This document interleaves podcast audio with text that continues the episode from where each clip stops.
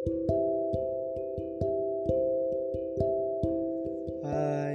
apa kabarnya nih? Semoga kalian semua baik-baik saja ya di sana.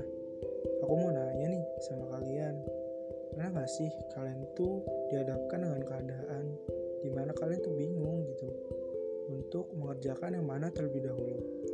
Pekerjaan yang A memang harus segera dikerjakan, dan yang B pun juga harus dikerjakan.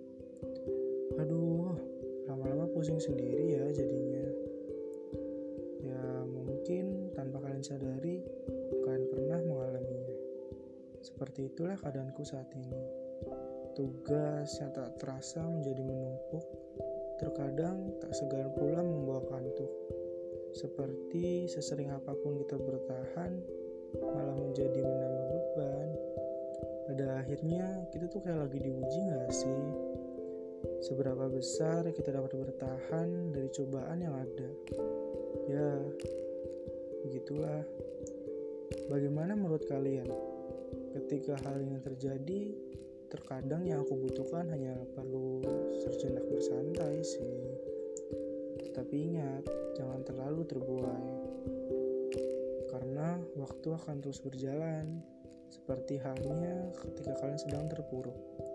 Kan harus segera bangkit. Ingatlah, semua yang kau hindari tak akan berakhir jika tanpa kemauanmu sendiri. thank you